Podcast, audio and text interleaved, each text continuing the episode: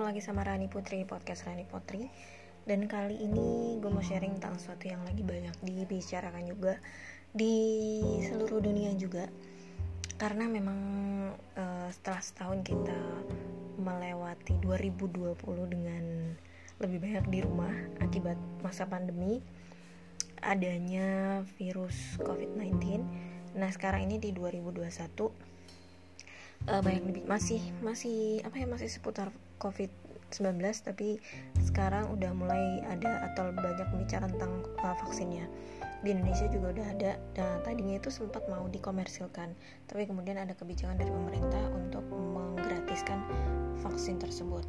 Nah tapi apakah dengan adanya vaksin terus pandemi akan berakhir um, setelah gue baca-baca ternyata tidak. Jadi uh, dalam artian vaksin itu bukan untuk langsung mengobati tapi sekedar untuk uh, apa ya mencegah aja gitu atau atau um, meminimalisir kali ya.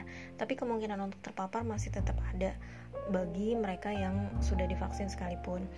Dan kalau gue baca dari beberapa artikel kali ini gue melansir dari Detik Health.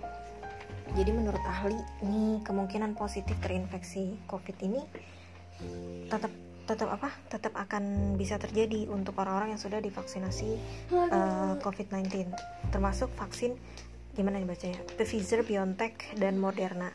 Jadi konon kalau pakai vaksin uh, BioNTech dan Moderna ini butuh dua dosis per pasien agar bisa efektif sepenuhnya kalau untuk dosis uh, Pfizer BioNTech ini pertama pertama lebih dari 50% efektif dalam mencegah COVID-19. Jadi ini untuk mencegah ya, bukan mengobati. Kalau mengobati ini belum ada kayaknya ya untuk benar-benar sampai menghapus atau menghilangkan si uh, virus COVID itu sendiri. Karena memang ini jenisnya tuh kayak um, self self healing gitu. Jadi kayak uh, benar-benar tergantung dari imun uh, tiap-tiap orang gitu uh, balik lagi ke dosis Pfizer tadi tadi kalau yang dosis pertamanya itu 50% efektif dalam mencegah. Nah kalau dosis keduanya ini meningkatkan perlindungan menjadi 95% nah kalau menurut uh, CDC CDC itu jadi semacam pusat pengendalian dan pencegahan penyakit di Amerika Serikat. Ini menyatakan bahwa dibutuhkan waktu berminggu-minggu buat tubuh seseorang agar bisa membangun kekebalan setelah vaksinasi. Jadi sebenarnya habis vaksin itu nggak langsung auto anti covid gitu, tapi masih butuh waktu lagi si vaksin ini untuk um, me, apa istilahnya beradaptasi atau membangun kekebalan yang baru lagi gitu di tubuh manusia. Nah kalau mengutip dari laman USA Today, ada kemungkinan juga nih seseorang terinfeksi virus COVID sebelum atau bahkan setelah vaksinasi terus sakit gitu. Ini kenapa? Karena vaksin yang uh, diberikan itu ternyata nggak punya cukup waktu buat bikin perlindungan di tubuh si orang tersebut gitu karena emang vaksin ini hanya untuk mencegah ya bukan untuk mengobati nah kalau menurut seorang pakar penyakit menular dan kepala epidemiologi rumah sakit di University of Florida Health yaitu Nicole Lovin uh, menyatakan kalau rata-rata orang butuh 10 sampai 14 hari untuk membangun sejumlah antibodi pelindung. Tapi tentu saja ini beda-beda ya karena ya, jadi ini tuh cuma data rata-rata. Tiap orang bakal beda-beda uh, pada prakteknya gitu karena kondisi antibodi atau imunitas tiap orang kan juga beda.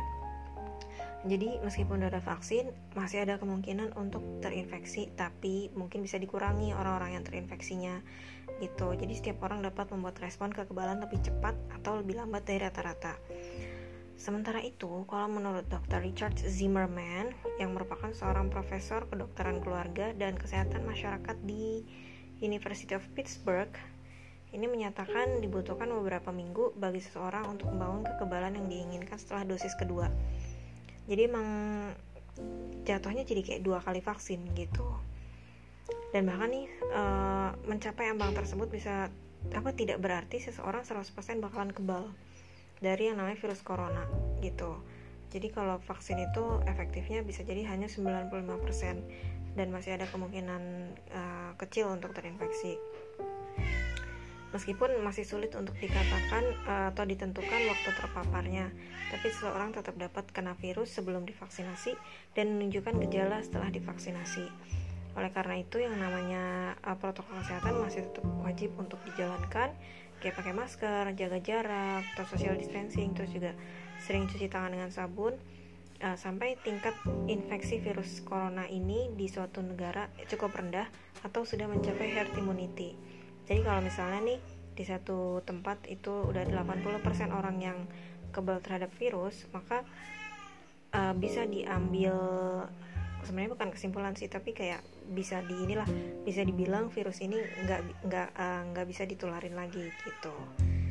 Tapi apa pun itu memang balik lagi ke kondisi imun oleh karena itu tenaga kesehatan dan tidak meremehkan uh, protokol kesehatan begitu aja meskipun mungkin kelihatannya semua udah mulai kayak normal ya tapi justru di situ kita nggak boleh lalai. Tetap harus jaga kesehatan pakai masker terus sering cuci tangan juga dan ya itu tadi sih uh, jaga uh, stabilitas emosi juga itu karena itu ngaruh gitu kan ke kondisi imun kita segitu dulu episode kali ini mudah-mudahan apa pun yang terjadi kita tetap bisa mengambil hikmahnya dan stay safe, stay health. See you in the next episode podcast Rani Potri. Bisa didengerin di berbagai layanan streaming podcast, uh, Spotify, Google Podcast, Anchor, dan lain sebagainya. See ya.